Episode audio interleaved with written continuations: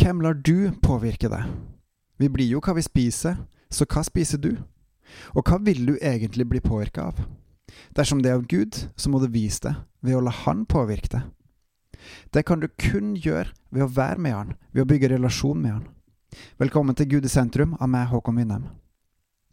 I hverdagen så blir vi påvirka av så utrolig mye forskjellig, for det er så mye forskjellig vi omgir oss av. TV, aviser, sosiale medier, venner, familie, idoler, hobbyer og folk på jobben og hele sulamitten. Det er så mange ting og personer som omgir oss, og en del av disse har nok sikkert ikke noe skjult agenda med det, mens andre har en veldig bevisst agenda på hva de ønsker å få deg til å tenke eller gjøre.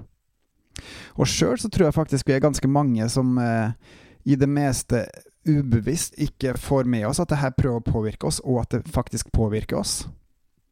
Eh, og jeg tror blant annet så spiser dette opp fokuset vårt og gjør til at vi blir kasta hit og dit av vinden. At uh, vi rett og slett ikke bestemmer sjøl hva som er viktig for oss, men det som da tilfeldigvis omgir oss, det er det som faktisk blir det som påvirker oss. Og sjøl om vi da tenker at ok, Gud er faktisk det viktigste i livet mitt, så er det jo livet man lever som viser om det er sant eller ikke. Eh, og hvis det ikke er Gud, og man blir kasta hit og dit som en kastevind, så er man jo trolig ikke herre over eget liv. Og den store faren er jo til og med at vi kan til og med avguda, få oss avguda gjennom Herre, fordi at det er andre ting som tar førsteplassen i livet vårt, enn det som skal være Gud. Ønsker du å følge Gud og bli påvirka av Han? Hva gjør du med det? Kanskje gjør du noe allerede, men husk, skal du bygge relasjon med Han, er det ikke nok å bare være i samme bygning. Nei, man må være sammen.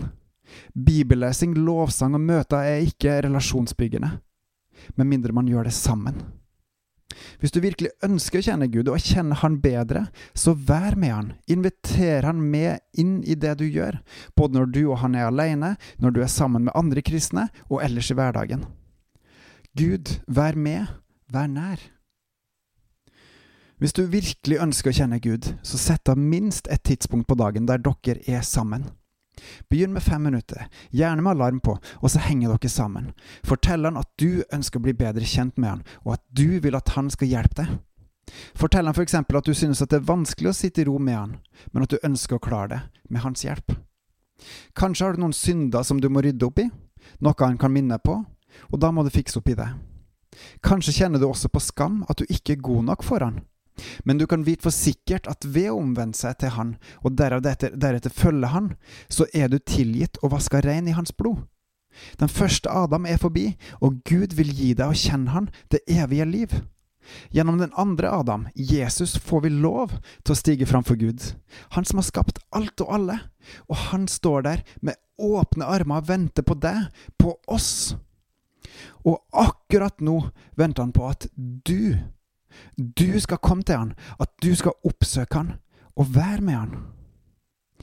Hva sier man da? Begynn med hei og ta det derfra. Fortell hva du vil, og be om Den hellige ånds hjelp. Og lytt. Han snakker til oss på ulike måter. Lytt og bebels. Det er en god start. Er det virkelig mulig å kjenne Gud? Ja, det er det.